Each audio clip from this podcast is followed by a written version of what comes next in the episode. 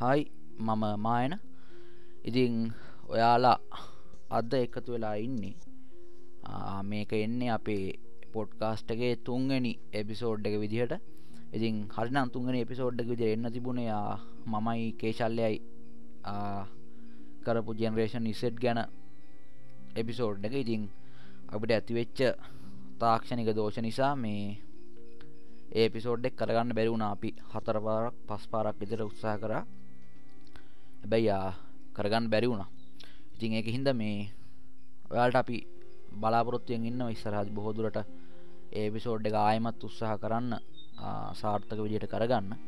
ඉතින් අර මේ ලොකුම් ප්‍රශ්න තියෙන්නේ කියන්නේ කේශල්ලය ඉන්න නුවර මම ඉන්න යා රත්නපුර. එතකොට අපිට සම්බන්ධ වෙන්න තියෙන්නේ ඉස්කයිප් වගේ එකක් කරා තමයි සම්බන්ධ වෙන්න තියෙන්නේ. එතකොට තාක්ෂණික දෝෂ වගේ දෙවල් ඇතිවෙන එක සාමාන්‍යයනි. ඉතිං අපි බලමු ඉස්සරාදි ජෙනරේෂන් ඉසට් ගැන. අපේ පොඩ්කාස්ට් එක ආයමත් සාර්ථක විදිට කරගන්න.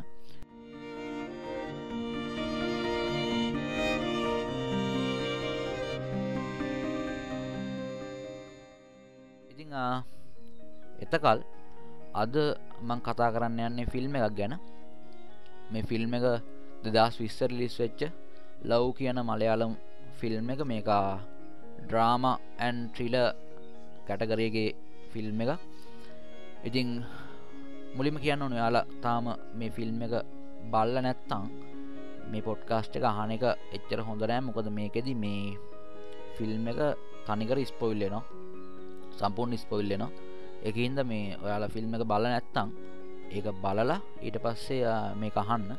ඉතින් මම ඇයි මේ ෆිල්ම් ගැන කතා කරන්නේ කියන එක ගත්තොත්තම මේ මේ ෆිල්ම් ඇත්තරම ඔයාලත් මේක බල්ල තිනනම් ඔයාටත් මේ අදකීම ඇති. මේ ෆිල්ම් එකින් අපිය මේ හුගක් නිකං කරකෝල ඇතැරිය වගේ එකක් කරනවා. මොකද ෆිල්ම් එක වෙන්නේ මොනෝද කියලා ෆිල්ම් එක ඉවර වෙලත් තව පැයකීපයක් කල්පනා කරනකම් හිතාගන්න බෑ. එකින්ද මේක මේ මට වගේ මේක බලපු හැමෝටමත් මහිතන්න මේ ෆිල්ම් එක ගක්කා හොඳ විශේෂ එක්ස්පිරියන්සයක් වෙන්න ඇති ඉතිං අපි අමු ෆිල්ම් එක පලොට්ට එකට നമ്മൾ ഇഷ്ടപ്പെടുന്നവരുടെ സന്തോഷമല്ലടാ നമുക്ക് ഏറ്റവും വലുത്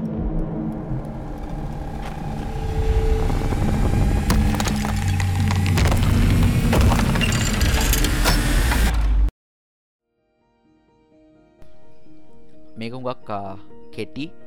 බැලු බැලමට සරල පලොට් එකක්. අපි නිකං උඩින් උඩින් කියන් ගියොත්තම ෆිල්ම් එක කැරකෙන්නේ එක කපල් එකක් වටේ.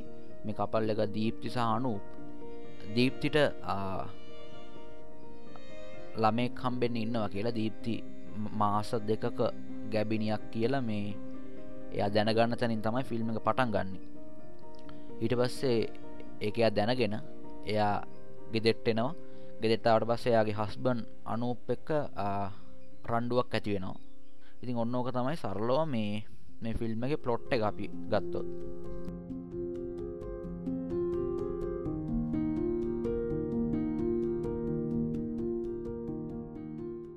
දැන් ෆිල්ම් එක ගැන කතා කරන්න පහසු වෙන්න අපි මේ ෆිල්ම් එක කොටස් තුනකට බෙදාගම්මු. පලවෙනි කොටස් තමයි දීප්තියා එවනවා මැසේජ් එකක් අනුප්ට අයම් ප්‍රෙක්නට් කියලා. මෙන්න මෙතන ඉඳලා දීප්ති දෙවනි පාර ගෙදෙට්ටෙන තැන තියෙනවනේ. මේක පැය එකයි දහයක පැයක විතර කොටසක්. මෙන මේ කොටස පලවෙනි කොටස විදිහට ගන්න.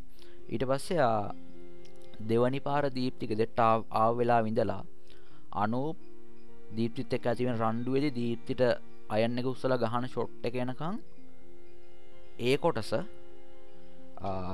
දෙවනි කොටස විදිර ගන්න. ඊට පස්සේ අවසාන අර විනාඩි දෙක හමාර්ග තුනක විතර දීප්ති අනුප්ගේ බොඩිය එක කාර්යක දාගෙන යන කොටස මේ මේ කොටස් තුන්ගනි කොටස විදියට ගන්න. රයි් දැන්ගොන් අපේ ෆිල්ම් එක කොටස් තුනකට අපි මේක විදල් තියෙන කතා කරන්න පහසු වෙන්න. දැන් මේ කොටස් තුනෙන් පලවෙනි කොටස ගත්තට පස්ස අපිට හොඳටම් පේනක තමයි මේ මේ කොටස් තමයි ෆිල්ම් එක ලොකුම කොටස. ෆිල්ම් එක සම්පූර්ණ ඩියවරේෂන් එක තියෙන්නේ පැය එකයි විනාඩි තිහකට ආසන්න ප්‍රමාණයක්. ඉඩට චුට්ටක් වැඩීමට මතක විදිට මේ කොටස් තමයි ෆිල් ඒ පැය එක හමාරෙන් පැයි එකයි විනාඩි දහයක් විතර යන කම්ම තියෙන්නේ මෙන් මේ පලවෙනි කොටස. මේ පලවෙනි කොටස ගත්තර පස්සේ දැන් මේ කොටසේ ඇත්තටම සිද්ධ වෙන්නේ මේක සිද්ධ වෙන කිසිම දෙයක්. මේ කොටස ඇතුළ සිද්ධ වෙන කිසිම දෙයක් ඇත්තර සිද්ධ වෙන දේවල් නෙමේ දීප්ටික තාත්තා මෙයාගේ ගෙදෙට්ටන එක හැර. රයිට් ගැන ඒක ඇත්තරම සිද්ධ වෙනවා. ඉතිරි කිසිම දෙයක් ඒ ෆිල්ම් එක අපිට පෙන් ඒ කොටස් තුළ පෙන්න්නන කිසිම දෙයක් ඇත්තර වෙච්ච දේවල් නෙමේ එනම් මෙ මොනවද? මේ වෙන්නේ අනු විසින් කරන ඉමජිනේෂන් එකත් තමයි මේ පැයි කවිනාඩි දහ ඇතුළෙම. මේ අපි පලවෙනි කොටස විදියට ගත්ත සම්පූර්ණ කොටසෙම තියෙන්නේ අනූප්ගේ පරිකල්පනය. ඒ අපිට නිකං දල වශයෙන් පොඩි අදහසක් ගන්න පුළුවන් මෙන්න මේ තැන් දෙකින්. ඔයාට මතක ඇති දීප්ති මැරුවට පස්සේ අනු බාටරුම් එක ඉන්න එක වෙලාවක එයාට පේනවා බාටරුම එක බිත්ති තමන්ගේ පැත්තට හැකිලෙනවාගේ තකොට එකත් තමයි මෙන්න මෙතනින් වාට පොඩි අදසක් ගන්න පුළුවන්. මේක මේ ඇත්තරම වෙන එකක් නෙමෙයි. මේ තියෙන්නේ පරිකල්පනයක් කියනෙක් ගැන ලාවට අදහසක් ගන්න පුළුවන්. අනිත්‍ය වගේ තැන තමයි මේ මේ ෆිල්ම්ගේ ෆයිට් දෙකක් වෙනෝනේ ගැන්නේ දෙපාරක් දීප්තිසානු රණ්ඩු වෙනවා. එක පාරක් රණ්ඩුවෙන්නේ පලවෙනි කොටසෙදී. ඊළඟ පාරණ්ඩුවෙන් අපි අර බෙදාගත්ත කොටස් තුනෙන් දෙවනි කොටසෙදී. මේ පලවෙනි කොටසදි වෙන රණ්ඩුවේ කිසිම දෙබසක් කියන්නේ කිසිම දෙවසක් කියවෙන්නේ රණ්ඩුවේ සම්පූර්ණයෙන්ම තියෙන්නේ ආ හිමීට ගලාගෙන යන බෑග්‍රවන්් මියසික් එකක් තියෙන ඒ ඒ මියසික් එක යන අතර වාරත්තමයි මෙදෙන රණ්ඩුවෙන්නේ ඇතකොට මෙන්න මේ අවස්ථා දෙකෙන් වාට දල වශයෙන් අදසක් ගන්න පුළුවන්. මේ මේක ඇත්තරම වෙන සිද්ධියක් නෙමේ මේ වෙන්නේ. අනුපිසින් කරන පොඩි පරිකල්පනයක් තමයි මෙතන මේ වෙන්න කියලා දලා අදසක් ගන්න පුළුවන් එතනි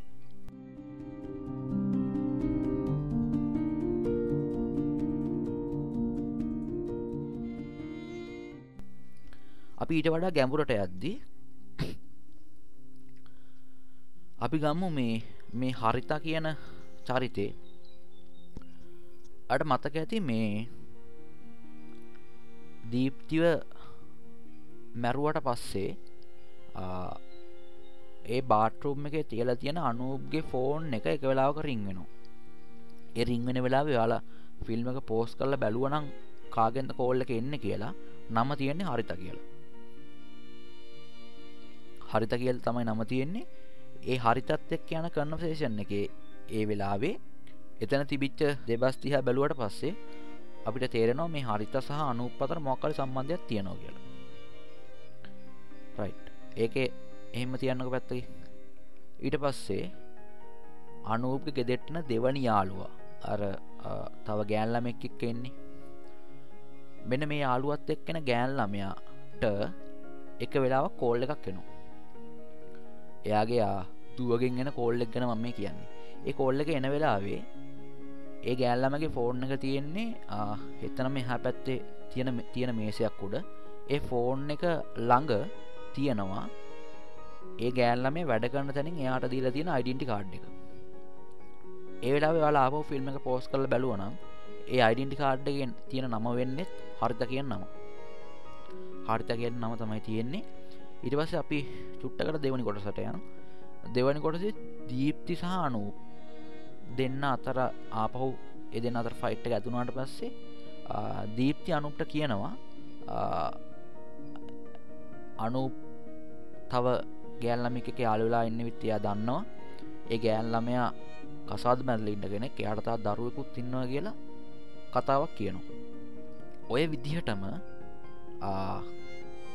පලවෙනි කොටසෙදී අර අර යාළුවත් එක්කෙන ගෑල්ලමයගේ විස්තර ගත්තොත්තම ඒ විස්තරත් ඔය විස්තරමයි. ඒගැන්න මේ ඒ ගෑල්ලම ඇත් කසාද මැල්ල ඉන්නේ. එයාටත් දරුවෙක්කින්න අර විස්තරමයි තියන්නේ. එතකොට මම මේ කියන්නේ ඔය අවස්ථා දෙකේදම අපිට පෙන්නන හරිත කියල පෙන්නන කෙනා. එක කියන්නේ එක වෙලාවක අපිට පෙන්නනවා අනූප එක්ක සම්බන්ධයක් තියෙන හරිත කියල කෙනෙක් ඉන්නවා කියලා. ඊළඟ අවස්ථාව අපිට පෙන්නනවා කෙනෙක්. එහෙමනම් යාලට තේරෙන්න ඕනේ අර ඒ හරිතත් එක්ක අනූප්ගි ගෙදෙට්ට එන යාළුව කියලා කියන්නේ ඇත්තට මේ යාළුව නෙමෙයි. එතන ඒ යාළුව විදිහට අනූප් පරිකල්පනය කරන්නේ තමන්ගොමයි. තමන්ගොමයි. කියන්න ඇත්තටම හරිතත් එක්ක අනූප්ග ගෙදෙට්ට ඇවිල්ලා අර කාම්බර ඉඳල තියෙන්නේ අනුප්ගේ යාළුව නෙමෙයි අනූප්මයි. සමහරිට මේක තමන්ට වැරදක් විදිහට ගැන මේ ඒ සිදුවීම තමන්ට දර බාරගන්න බැරිහින්ද වෙන්න ඇති එයා තමන්ගේ යාළුවට පවරල පරිකල්පනය කරන්න. කියන්නේ තමන් වෙනුවට තමන්කරපු වැඩේට තමන්ගේ යාළුවව දාලා එක පරිකල්පනය ගන්න සමහරට ඒක තමන්ට බාරගන්න බැරි විදිහේ අත්දැකීමක් විදියට අනු හිතන හිද වෙන්න ඇති. කොහමාරි මේ එතන එක දෙයක් පැහැදිලි. අනූප් තමයි යා ඒ විදියට හරිතත් එක්ක තමන්ගේ දෙෙට ඇවිල් අර කාම්බර ඉදල් තියෙන මොකද ඔයාලට මතකනම් ෆිල්ම් එක අර කොටස් තුනෙන් දෙවනි කොටසෙදී දීප්ති අනුප්ගෙන් අහනවා ඔයා ඒ ගෑනකනත් එක්ක ඇවිල්ලා මේ කාම්බර නේද හිටිය කියලා. දීප්ති දන්නවා අනු ඒ ගෑල්ලමයක් ඇවිල්ලා මේ ඒ කාම්බර ඉදල් තියෙනවා කියල ඇත්තරම රයිට් එතකොට පැහැදිලි වෙන එක දෙයක්. අර දෙවනියට ගෑල්ලමයත් එක්ක එන යාළුව කියලා කියන්නේ වෙන කෙනෙක් නෙමේ අනුපමයි.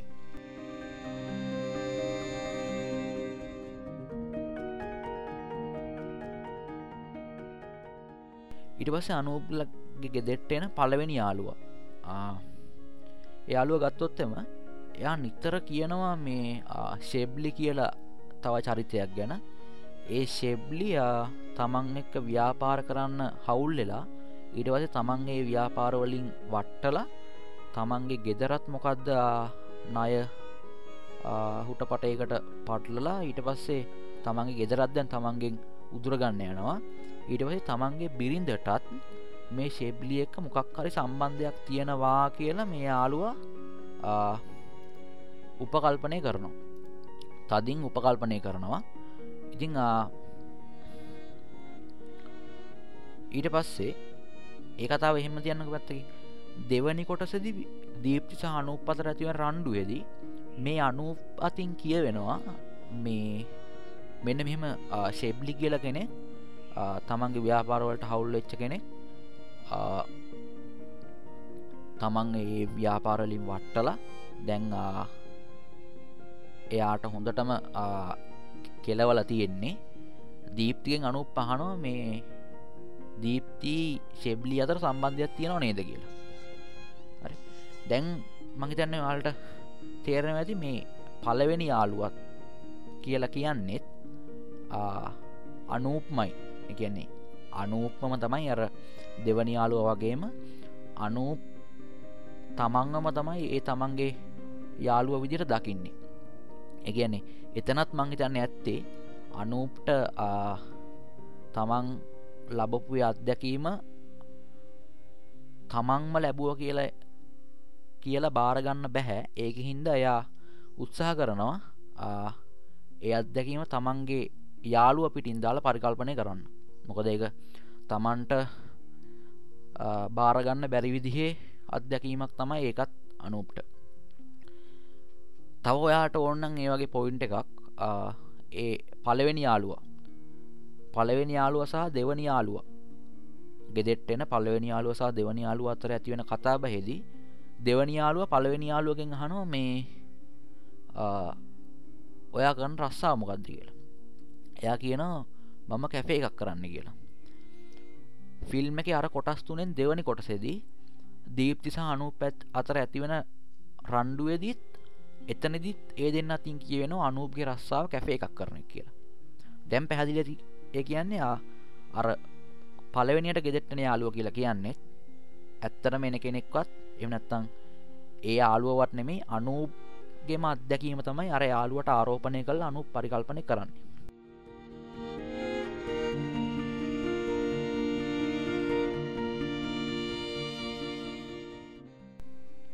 හරි. දැන් ඇයි මේ අනූප් තමන්ව තමන්ගේ යාළුව දෙන්නෙක්ට ආදේශ කරල පරිකල්පනය කරන්නේ? මෙයාට තිබන එක යාළුවට ආදේශ කළ පරිකල්පනය කරන්න. අපිට එක දෙයක් පැහැදිලිනේ කියනෙන් අනූප් තමන්ව යාළුවන්ට ගැන තමන්ව වෙන කෙනෙක්ට ආරෝපනය කල්ලා පරිකල්පනය කරන්න ඇත්තේ මෙයාට මේ අත්දැකීම් දෙකම තමන්ට වනා නැත්තන් තමන් විසින් කරා කියලා භාරගන්න බැරිවිදි අත්දැකීම් මේවා. ඒක හින්දා අන්නේ වරදකාරී බවෙන් මිදන්න එමනැත්තං ඒ අසුභ අත්දැකීමෙන් මිදන්න ඕනිකමට මෙයා විසින් මෙයා මේ තමන්ගේ පිට ඉන්න වෙන යාලුව දෙන්නට පවරනවා වෙන්න පුළුවන්. ඊට පස්සේ එන ප්‍රශ්න තමයි ඇයි මේ දෙන්නෙක්කැයි එක යාළුවෙට්ට පවරලා හෙම මොක්කරි වැඩක් කරන්න තිබන එක යාළුවෙක් ගැන පරිකල්පනය කරන්න තිබ්බනි. නෑ. මෙතන ඔයාට පේනවනම් මේ යාලුව දෙන්න. මේ යාලුව දෙන්න කියලා කියන්නේ පැහැදිලිය වෙන්කල් අන්තුරගන්න පුළුවන් ලක්ෂණ දෙකක් සහිත යාලෝ දෙන්නේ. ඒ කියන්නේ අර ගැහැන්ලමය එක්ක අනූපි ගෙදෙට්ටන යාළුවා එයා ඉන්න මේ ලොකු ගිල්ටිය එක. කියන්නේ මේ එයාට තව ගෑනු කෙනෙක් එක සම්බන්ධයක් තියනවා කියන එක සම්බන්ධව එයා ඉන්න ගිල්ටිය එක.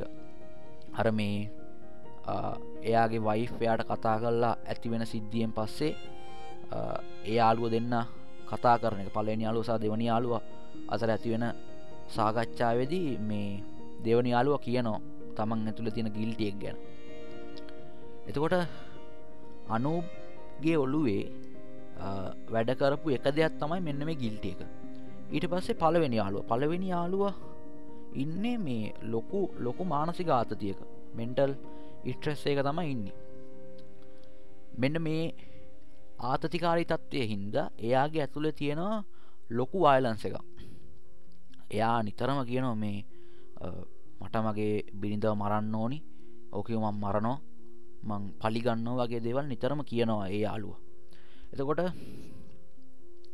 මේ ලක්ෂණ දෙක දෙකක් කියන ඔකොලන්ට පැදිලි තිය කියන්නේ එක පැත්තකින් තමන් ගැන තියෙන ගිල්ට එකක්. දෙවනි යාලුවගෙන් නිරූපණය වෙන්නේ එක පලනි යාලුවගේ නිරූපණය වෙන තමන් ඇතුළ තියෙන වයිලන්ස එක. එකන්නේ තමන්ග මේ තත්වට වට්ටපු සෙබ්ලි කියන කෙනත් එක තියෙන තරහ. ඊට පස්සේ ඒ ශෙබ්ලිත් එක්ක දැන් ආපහු මේ තමන් වැටනට පස්සේ ශෙබ්ලිත් එක්ක තමන්ග දාලා බිරිඳ යයි කියන තියෙන සැකය වගේ දේවල් නිසා ඇතිවෙච්ච වයිලන්ස එක. මෙන්න මේ ලක්ෂණ දෙක තමයි අනූප්ගේ ඔල්ලුවේ කැකෑරමින් තියෙන්නේ සහ මේ අලුව දෙන්න ඔස්සේ අනු පරිකල්පනය කරන්න මෙන්න මේ ලක්ෂණ දෙක. මේ දෙක දෙක මේ ලක්ෂණ දෙක එකට එකක් වෙනස් විදිිය ලක්ෂණ දෙක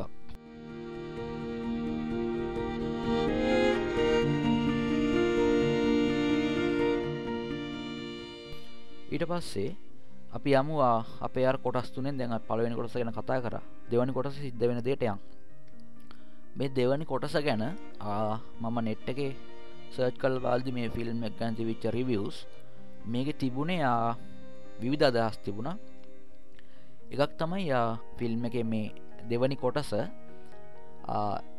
දීප්ති විසින් කරන පරිකල්පනයක් කියලා තිබුණ එක තැනක. කියන්නේ දැන් ඇත්තරම දීප්ති අනුප මරණෝනේ මැරුවට පස්සේ තමන් තුළ ඇතිවෙන ඒ වරදකාරී හැඟීමෙන් ගැලවෙන්න දීප්ති විසින් කරන පරිකල්පනයක් කියලා එක තැනක තිබ්බා.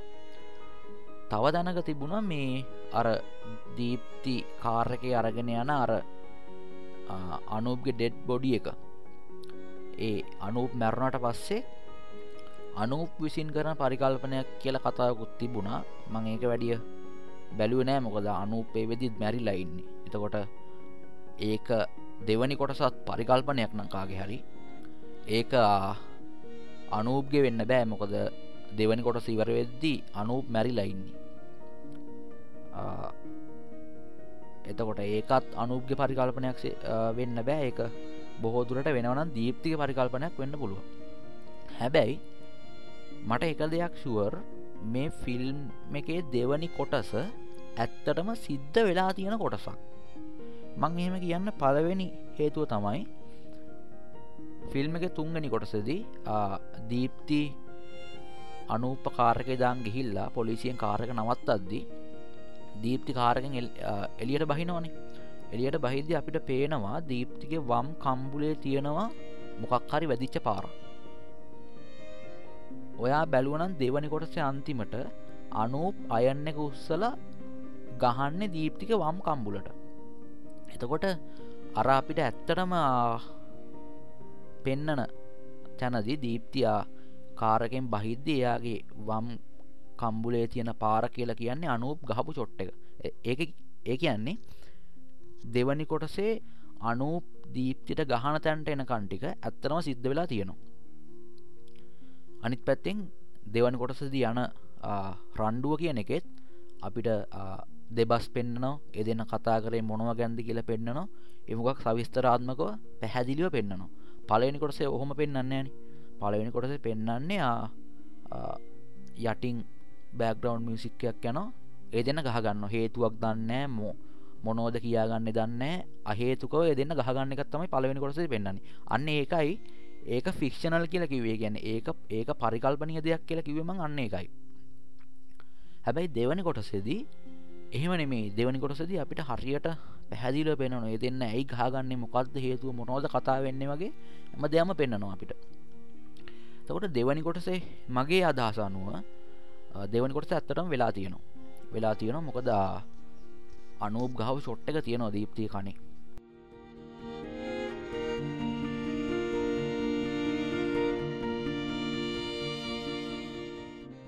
තුන්ගනි කොටස ගැන අපි හිතුවොත්තම තුන්ගනි කොටස හරි පැහැදිලි. තුන්ගනි කොටස යා දීප්ති අනූප්ගේ ඩෙඩ් බොඩිය එක කාරකය දාං යනවා. මේ දාං අද්දි මගදී පොලිසිය එයාව නවත්තන එතෙන්දී දීප්ති කියන මමගේ හස්බනු මැරුව කියලා. රයි් ඕක තමයි ෆිල්ම් එක් ගැන මට කියන්න තියෙන කතාව. කියන මේක මං කිව්වේ මොකද? මේ ෆිල්ම් එක බලන කෙනෙක්ට මේක ගැන කවර මේ ෆිල්ම් එකට සීරියස් මේ ෆිල්ම් එක බැලුවොත්තම මේ එයාට නිකං නිකං පිස්වරන වගේක් වෙන මොකද මේක වෙන දේවල් ගැන හිතාගන්න බෑපිට හිතාගන්න බැහැ මේ ඒකන්ද මම හිතනවා මගේ අදහස් එහෙම කෙනෙක්ට වැදගත්තේ ෆිල්ම් එක බැලුවට පස්සේ. එකින් තම මම එක් කරන්නෙත් දැන් ෆිල්ම් ගැන අපි අපව් සාරංශකරොත්තෙම දීප්ති දැනගත්තර පස්සේ තමන් ප්‍රෙග්නට් කියලා එයා අනුට කෝල් කරන්න කෝල්කට ආන්ස කරන්න ආන්ස කරන්න නැතිහින්ද යා මේ අනුට මැසේජ්‍ය අදදානු අනුප මේක දකිනවනේ. දැක්කට පස්සේ අනුප ටිකයි ශොක්කෙනෝ වගේ ශොක් කලා වගේ හිතන්න පටන් ගන්න අනුප. හිතන්න පටන් ගනිද්දී එයාගේ අර ඇතුළේ තියෙන අර ලක්ෂණ දෙක එක පැත්තින් ගිල්ටි එකක් තියෙනවා අනිත් පැත්තෙන් වයිලන්ස එකක් තියෙනවා. මේ දෙක එකට හැප්පිලා එයාට හිතෙනවා නෑ මෙයාව මම මෙයාට බනිනවමයි. මේ මෙයාව මං අද මරණව කියලා අනු පිතනවා අනු එහෙම හිතුවට පස්සේ අනු පටන් ගන්න එතයිද පරිකල්පනය කන රයි් මං මෙයා මැරුවා. ඊට පස්සේ මොකක් වෙයිද? හරි මෙහෙම මෙහෙම වෙයි. අර මරම් වේ කියලා අනු පරිකල්පනය කරන්න පටන් ගන්නවා. මේ පරිකල්පනය කරන්න පටන්ගත්තර පස්සේ ටික වෙලාක් ඇදි තේරෙනවා. මේ තමන්ට එන මේ මේ මොහොද මේ තමන්ට තියෙන ආවේගේ හින්ද තමන් මෙහෙම කරොත්තම දීප්තිට තමන් ලොකු ප්‍රශ්නකට තමයි මැදිවෙන්න කියන එක අනුප්ට තේරෙනවා. ඊට පස්සේ අන්න ඒක හිද තමයි අනුපා දෙවනි කොට සෙදි දෙවනි කොටස කියල ගැන ඇත්තරම සිද්ධ වෙන කොටසෙදි අනූප දීත්‍ය එක්ක හෙම රණ්ඩුවකට යන්න ඇත්ති ඒකයි අවසාන වෙනකම්.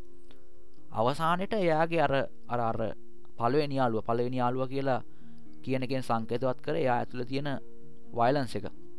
අවසාන වෙලාවෙද යා තමන් ඇතුළ තියෙන වයිලන්ස එක කියනදේ අහනො වයිලන්සකට ඕන විදිහට වැඩ කරන හැබැ ඒ වෙන කල් තමන් ඇතුළ තියෙන අරාර ගිල්ටි එක ඔයාලා දකින්න ඇත් දෙවනි කොටසේ. අනු දීප්තිට පහර දෙන්න යන පලවෙනි වතාවෙදී එයාගේ දෙවනි යාලුව දෙවනි යාලුව කියනකින් සංකේතවත් වනේ යාචල තියෙන ගිල්ටිය එක. ඇවිල්ල කියනවා ගහන්න එපා කියලා.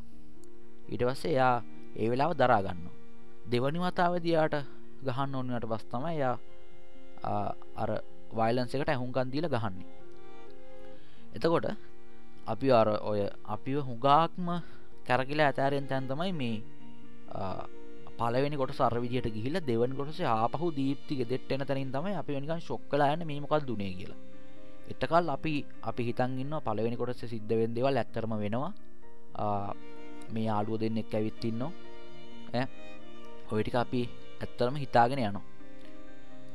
හැබැ ඇත්තරම සිද්ධ වෙන්නේ අනුප්ගේ පරිකල්පනයක්. මොක දරාර තාත්තා ගෙදෙට්ටෙන වෙලාවේ තාත්තා අනුප්ට පහර දෙද්දී අර යාළුවෝ දෙන්න ඒකට මොකු සම්බන්ධ වෙන්න ඇනි මොකද හේතුව තමයි දීප්තික තාත්ත ගෙදෙට්ටෙන එක ඇත්ත දෙයක්. යාළුව දෙන්න සම්බන්ධ කතාව පරිකල්පනය දෙයක්.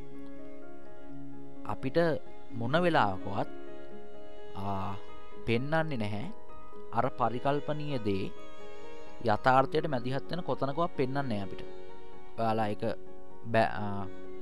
බැලුවනං කියන්නේ අර යාළුව දෙන්න ඇත්තට වෙන දේට කිසිම තැනක සම්බන්ධ වෙන්නේ ඔොන්ද බැරි වෙලා හරි දීප්තික තාත්ත වෙල්ලා අනුපට ගහද්දී අර යාළුව දෙන්නගේ එක්කෙනෙ පැල්ලා අරයට ගහන්න පටන් ගත්තනගම ඔන්න එතකොට අපිට හිතන්න පුළුවන් ඒ යාලුව දෙන්න කියලා කියන්න ඇත්තටම සිද්ධ වෙන දෙයක් කියලා. හැබැ ඇත්තම සිද්ධ වෙන දෙයන්න මේක ඉඩවස්ස අර මේ අනෝබ්ගි ගෙදර එල්ල තියෙන ෆොටෝ එක. අන්නේ ෆොටෝ එකත් අපිට ගක් වැදගත්තනවා මේ අර මේ කියන්න අර පලෙන් වතාවදී දීප්ති ඔලු අල්ල ගහන්නේ. ෆොටෝ එක අන්නේ ෆොටෝ එක ගැනම කියන්නේ. ඒ ෆොටෝ එකත් අපිටක් වැදගත්තෙනවා මේ තේරුම් ගන්න මොකක්ද මේ වෙන්න කියනෙක් ගැන. ඉතින් ප්‍රධානම දේ තමයි මේ ෆිල්ම්ක් ගැන කියන්න තියෙන පලවෙනි පැය එකයි විනාඩි දහය විතර කියලා කියන්නේ අනු විසින් කරන පරිකල්පනයක්. මම මෙහෙමකරොත් මොකක් වෙයිද කියන එක් ගැන කරන පරිකල්පනයක්. ඉතිං ඒ පරිකල්පනයෙන් පස්සේ දෙවනි කොටසද යා හැසිරන උපරි මුත්සාහ කරන්න හෙම නොකර තියාගන්න. කොමරි ඒත් අන්තිමට එයා ෂොට්ට එකක් ගහනෝ දීප්තිට. එතනින් පස්සේ දීප්තියාපවු නැගිටලා මහිතන්න අනුපට ෂොට් එකක් දීලා තියෙන ඊට පස්සයා මැරිලා අවසාන කොටසදයා කාරකය දාගෙන දීප්ති අරගෙන යනවා.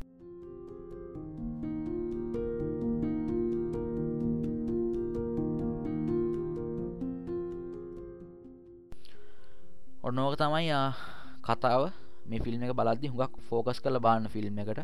හැම තැනකම්මං අර අර කිව්ව වගේ මේ ෆිල්ම් එක තියෙන හැම තැනකම තියෙනවා අපිට තොරතුරු ගන්න පුළුවන් දේවල්. එක තමයි මං මේ ෆිල්ම් එක දකින ඉන්ට්‍රෙස්ම දේ. කියන්නේ හරිම හරිම උද්‍යෝගමත් දිට අපිට මේ ෆිල්ම් එක බාන්න පුළන් මොකද කිසිම සීන් එකක් නැහැ මේ අපිට අපත දාන්න පුළුවන් විදිිය කිසිම සීන් එකක් මේක නෑ හැම සීන්න එකම දැන් අර අරමං කිව්වයා මේ කාටද හරිතට කෝල්ල එකෙන් කෝල්ල එක එන වෙලාවේ ඒ ෆෝන් එකට එහා පැත්තෙන් තියල් තියෙන එයාගේ වැඩකන්න ආයතන එයාට දීපු අයිඩන්ටි කාඩ් එක පවා අපිට සිද්ධ වෙනෝ චෙක් කල්ල බලන්න.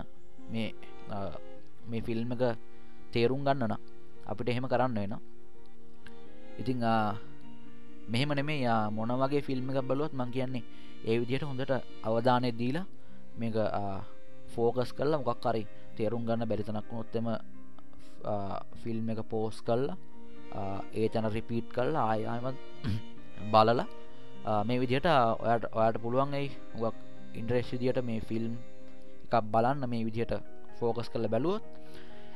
ඉතිං හොන්න ඕක තමයි අද එපිසෝඩ්ඩෙන් අපි කතා කරන්න ප්ලෑන් කරේ. ඉතිං මම අරකිව්වාගේම අපි උත්සා කරන්න ජෙනරේෂන් නිසෙට් ගැන පොඩ්කාස්ට එකත් ආයමත් කරලා අරගෙන එන්න. ඉතින් මේ වගේ තමක් කරි ඉන්ට්‍රෙස් දෙයක් මම දැක්කොත් මම ඒව ගැන කතා කරන්න ඔයාලට දැන් පුළුවන් දැන් ලංකාවට ස්පොටිෆයි හම්බුනානේ. ස්පොටිෆයි ඔස්සේ පොඩ්කාස්ට එක හන්න පුළුවන්. ඉතිං ගිහිල්ලා ෆලෝ කල්ල තියාගන්න. මේ වගේ තව එපිසෝඩ් එකින් හම්බෙමු. එනම් මම යනවා. බයි